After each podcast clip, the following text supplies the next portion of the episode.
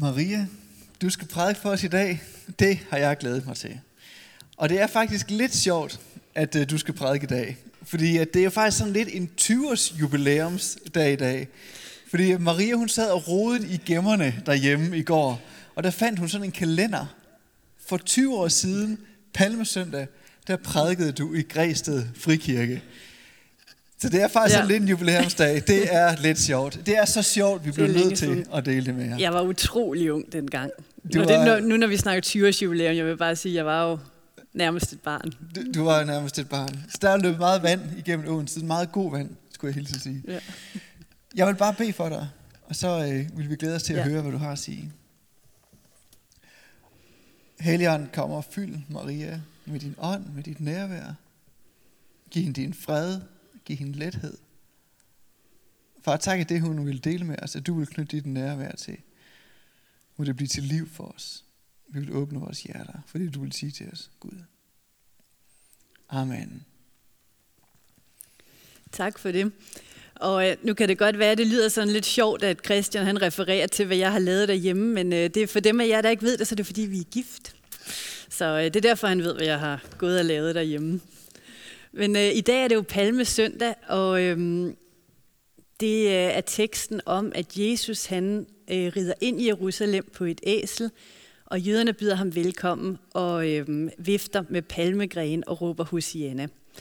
Og øh, den her tekst, den, er, øh, den har givet anledning til at tale om tålmodighed. Og øh, det her emne med tålmodighed, det er noget, jeg selv har gået og tænkt en del over her de sidste måneder. Øhm, særligt i forbindelse med det her med coronanedlukning. For øh, nogle gange, når jeg har siddet der på min øh, hjemmearbejdsplads foran computeren og sidder og kigger ud af vinduet, så har jeg sådan tænkt over det der med, at det er jo en særlig tid. Og øhm, på den ene side, så er det en tid, hvor vi på en eller anden måde venter på, at det bliver normalt igen. På, at vi kan mødes, og på, at alting åbner igen. Men på den anden side, så har jeg tænkt over, men det her det er jo også en særlig tid, og hvad hvis det bare overhovedet ikke gør noget ved mig? Hvad hvis det her det også er en mulighed for at lære noget, blive klogere på mig selv, men jeg bare lader det glide mig henne, fordi jeg bare sidder og venter på, kom nu, øh, restriktionsgenåbning. Så det er sådan noget, jeg har gået sådan og spekuleret over, hvad, hvordan bruger jeg den her tid godt? Og der er det her ord tålmodighed bare rigtig vigtigt. Og det lærer den her beretning os i dag faktisk noget om. Så det håber jeg, I er med på at dykke lidt ned i. Men jeg vil lige læse teksten for i dag, og det er fra Matteus evangeliet kapitel 21, vers 1-9. Da de nærmede sig Jerusalem og var nået til Betfage på Oliebjerget, sendte Jesus to disciple afsted. I skal gå ind i landsbyen derovre. Lige når I kommer derind, finder I et æsel, som står bundet sammen med sit følge. Bind dem op og tag dem med tilbage til mig. Hvis nogen siger noget til jer, skal I forklare, at det er jeres herre, der har brug for dem, og at han snart sender dem tilbage. På den måde gik det, Gud havde sagt, i opfyldelse. Hos profeterne står der nemlig, Sig til Jerusalem, se din konge kommer til dig. Han rider ydmygt på et æsel, ja på et æsels føl. Så tog disciplene afsted og gjorde, som Jesus havde sagt. De hentede æslet og følget og lagde deres kapper hen over dyrene, og Jesus satte sig op. De mange mennesker, der fulgte dem, lagde deres kapper ud på vejen, og nogen skar grene af træerne og spredte dem på vejen. Der gik folk både foran og bag ved Jesus, og de råbte alle sammen, Hosianna, Gud vil sine kong Davids søn. Han kommer i Herrens navn. Hosianna, himmelske Gud. Så jøderne her, som byder Jesus velkommen, de venter allerede på en konge. Og som man øh, kan høre det i teksten, så øh, bliver der refereret til profeterne. Det er det gamle testamente, det er Toraen. Og øh, her for mange hundrede år siden, så er jøderne blevet lovet, at der vil komme en sejrrig og retfærdig konge, som vil komme ridende på et føl. Og han skal herske til jordens ender. Så da jøderne ser Jesus komme på den her måde, så er de virkelig begejstrede. For deres situation er, at deres land er besat af romerne. Det er ikke et fredfyldt land, det er ikke et fredfyldt styre, de er besat.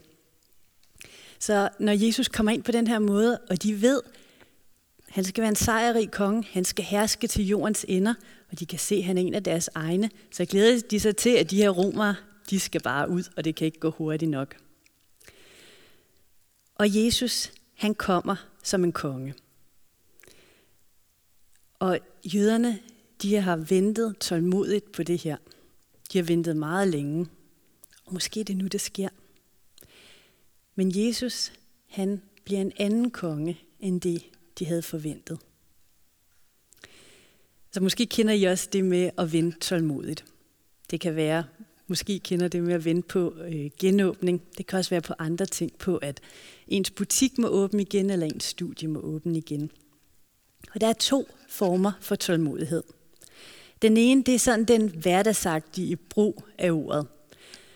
Og det kan være, at man, ligesom jeg for eksempel, har lagt blomsterløg ud i haven og glæder sig til, at de her øh, påskeliljer kommer op. Det går sådan lidt langsomt, men øh, det går jeg og venter sådan tålmodigt på. Det kan også være, at man venter på ens tog, der er forsinket, eller øh, på, at man kan komme tilbage på kontoret og være sammen med kollegerne. Det kan også være, at man venter på en sejrrig konge, som skal smide romerne ud, ligesom jøderne gjorde. Det, der er fælles for de her ting, det er, at man venter på, at der er noget, der skal forandre sig, sådan, så det, man ønsker, kan komme til at ske. Man venter, at forandringen sker i ens omgivelser, i ens vilkår, eller at andre mennesker forandrer sig. Så den her slags tålmodighed, det er en behovsudsættelse. Jeg vil gerne have noget. Jeg er ret optaget af det her, jeg gerne vil have. Men jeg kan godt lige vente på lidt endnu, på at det øh, sker, og det går i opfyldelse. Det er den ene slags tålmodighed. Den anden slags tålmodighed, den er lidt mere svær at få greb om. For der handler det om en forandring, der sker inde i os selv. Søren Kirkegaard, han har et billede på det, hvor han siger, at tålmodigheden, det er som en puppe, hvor sindet forvandler sig, ligesom en sommerfugl, og alting bliver fornyet. Her der er tålmodighed mere en indstilling til livet og til de vilkår, vi er sat i. Det er en måde, at vi tager imod det pres, vi bliver udsat for. Og når jeg bruger ordet pres, så er det jo for eksempel genåbningen, eller at vi skal vente på, at noget kommer, som vi egentlig bare rigtig godt kunne tænke os, det skete nu. Hvordan tager vi imod det pres? Det er den anden slags tålmodighed. Det kan være, I kender det med at blive sprunget over i køen i supermarkedet. Lige for tiden er det måske lidt nemmere at blive sprunget over, fordi man står med så to meters afstand. Og øhm, jeg ved ikke, om, prøvet, om I har prøvet det, at der er en, der går ind foran, og vedkommende sådan lader ligesom som om, man ikke lige så, at der stod en. Måske så de virkelig ikke en, men man kan jo godt tænke, om de gør det med vilje måske. Men i hvert fald så eksisterer jeg ikke i det øjeblik for den anden person. Og så bliver jeg irriteret vred, ikke? fordi at jeg bliver ignoreret, jeg bliver overset. Det her menneske ser mig ikke, registrerer mig ikke, jeg eksisterer ikke. Og så kan det være, at jeg sådan bagatelliserer episoden med, oh, det, det gør ikke så meget. Det, det mås, de har heller ikke så meget kurven egentlig. Det tager måske bare et minuts tid mere, så er jeg også igennem køen. Og det jeg gør der, det er egentlig, at jeg behovsudsætter. Det er den første slags tålmodighed, jeg bruger for ligesom at komme igennem den situation. Jeg kan godt vente lidt på at blive ekspederet. Men samtidig så er jeg fast besluttet på, at jeg skal altså igennem den kasse der, og nu er det altså også min tur næste gang, for jeg har også nogle varer. Så det, nu skal det også så ske, efter den her person er kommet igennem. Men det her øjeblik, det har faktisk også et potentiale i sig til at blive et vigtigt, så nærmest eksistentielt øjeblik for os. For vi kan spørge os selv, hvorfor er det, at jeg bliver vred? Hvorfor er det, at det er så ubehageligt for mig at blive overset? Er jeg bange for ikke at eksistere? At jeg er ligegyldig? Fordi virkeligheden er, at en dag så bliver det sådan. En dag så bliver jeg glemt. En dag eksisterer jeg ikke længere. Og i det øjeblik, så må jeg indse, at det ved jeg ikke engang, hvornår det bliver. Der er corona, sygdom og død. Jeg har heller ikke kontrol over de andre mennesker. Der er nogen, der overser mig. Der er nogen, der går udenom i køen. Jeg ved ikke, hvad der kommer til at ske. Jeg ved ikke, hvad andre mennesker, hvordan de vil behandle mig. Jeg har ikke kontrol over det. Så den her tanke om, at der er faktisk mange ting, jeg ikke har nogen kontrol over. Hvad gør det ved min holdning til mit liv lige nu? Den her mangel på kontrol af, hvad der sker, hvordan mit liv i sine omgivelser. Jeg selvfølgelig kan jeg træffe nogle valg, men på mange måder så er jeg ikke herre over mange af de ting, der sker i mit liv. Og det må jeg forlige mig med, selvom at det presser mig. Og når vi får de her tanker, så er det en oplagt mulighed for os til at invitere Gud ind, til at lytte til ham og sige, Gud, jeg går og tænker på de her ting, der er noget, der jeg bakser med. Gud, hvad tænker du? Hvor er du henne? Det kan blive til en bøn for os. Vi kan invitere hans perspektiv ind. Bed ham om at tale til os. For når vi giver plads til Gud og har en opmærksomhed på ham, så kan den her situation i supermarkedet, eller hvor det nu ender med at være henne, det kan faktisk blive en mulighed for, at han kan forme os og modne os. For nylig så læste jeg i Kristi Dagblad om en ung præst i Portugal, som øh, fortalte om, hvordan corona havde præget hans kirke og det sociale arbejde, som de laver der. Og han sagde sådan her, der er noget, som vi i kirken har talt meget om, og det er, at vi alle sammen er nødt til at sikre os, at vores tid er brugt fornuftigt. Mange er optaget af økologi og klimaforandringer, og jeg tror, at pandemien har lært os noget om tidens økologi. Det er oplagt, at vi udvikler en nul-tolerance over for spild af tid, sagde præsten. Så det han taler om her, det er, at vores tid er begrænset. Det er det, øh, som Øh, de i hans kirke er blevet opmærksom på. Lige pludselig kan der ske nogle meget store omvæltninger i vores liv, for eksempel på grund af en pandemi. Så vi har fået en tid givet, så lad os ikke spille den. Når vi venter på, at det forsinkede tog kommer, eller på at blive ekspederet i supermarkedet, så kan det føles som spild af tid. Og det er det måske også, hvis ikke den tid gør noget ved os. Hvis det eneste, der sker, det er, at vi bare bliver ved med at sidde og vente på, kom nu tog, ikke? Altså, og kom nu, nu skal jeg altså igennem den kø der. Hvis man virkelig synes, man lige skal bruge tiden, så tjekker man måske DR's nyhedssite for femte gang i dag. Og jeg skal ikke sige, om det er sådan nødvendigvis er et spild af tid, men det ved jeg, det vil det ofte være for mig. Men den her ventetid, den kan også være en mulighed. Og Gud kan bruge den og tale til os og forme os, hvis vi lader ham gøre det. Jøderne de ventede på en krigerkonge, der kunne smide romerne ud. Men der kom noget helt andet – og måske så de det ikke, fordi de i overført betydning sad og ventede på, at det tog snart kom. Det tog, de nu havde set sig fast på. Så den her slags tålmodighed, nummer to tålmodighed, hvordan øver vi os på den? Den er lidt svær sådan at få hold om. Og hvordan bliver vi opmærksomme på at bruge tiden til at lade os forvandle, når vi bliver udsat for pres?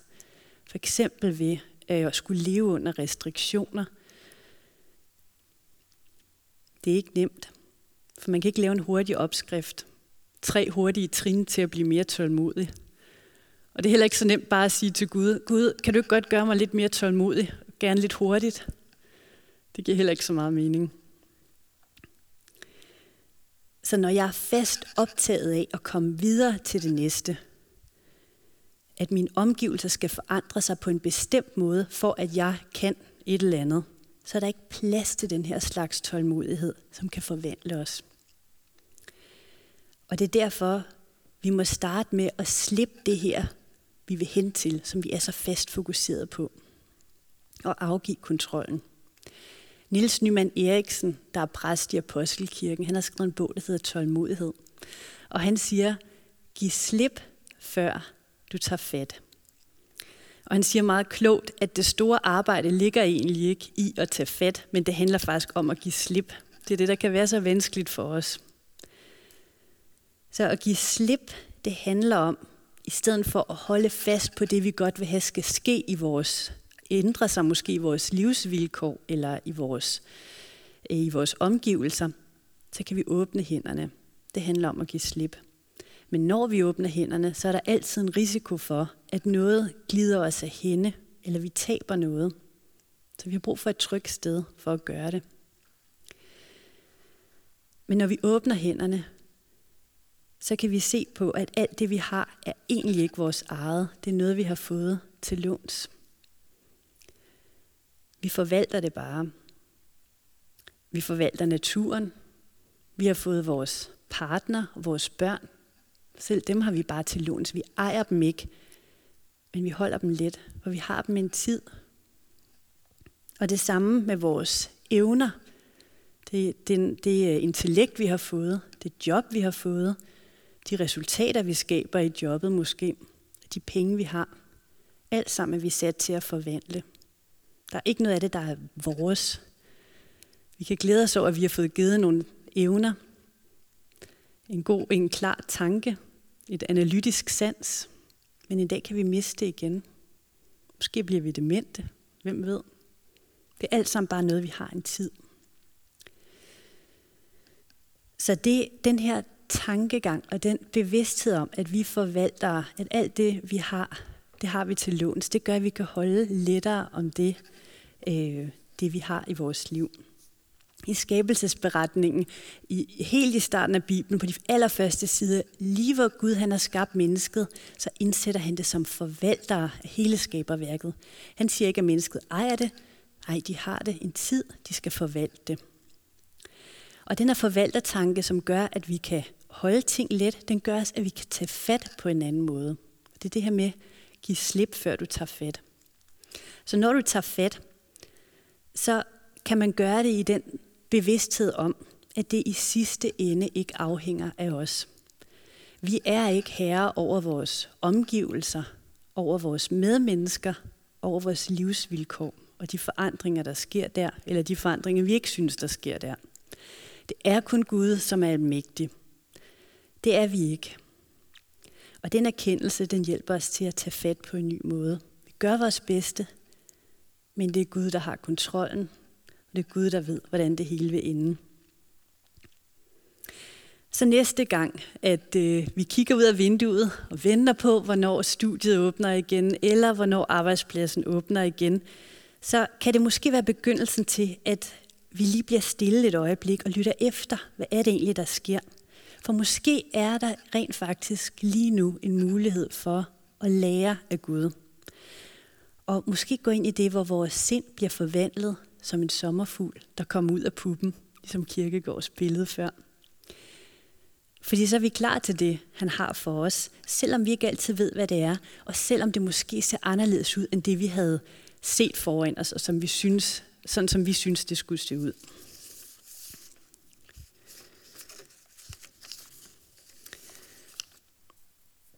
Eller som jøderne, der troede, de fik en slags konge, men i virkeligheden fik de noget meget bedre. Han var sejrrig, og han er retfærdig, og han hersker til jordens ender, men ikke ved at smide deres besættelsesmagt romerne ud, som de troede. Så jøderne de havde en mulighed for at vende sig til Gud, for at lade ham være almægtig, for at gøre det her på sin måde. Men det så de ikke, og de blev vrede over, at det ikke blev, som de havde håbet. Og de endte med at korsfeste Jesus. Og det er jo det næste, vi skal høre om her i påsken, langfredag. Det er korsfæstelsen af Jesus. Så lad os i den her påsketid lytte efter, hvad er det, der sker, når vi bliver sat i en venteposition, som kalder på tålmodighed. Og lad os se, om vi bare i det små måske kan begynde at give slip, og så derefter tage fat igen på en ny og lettere måde. Jeg vil slutte af med en bøn.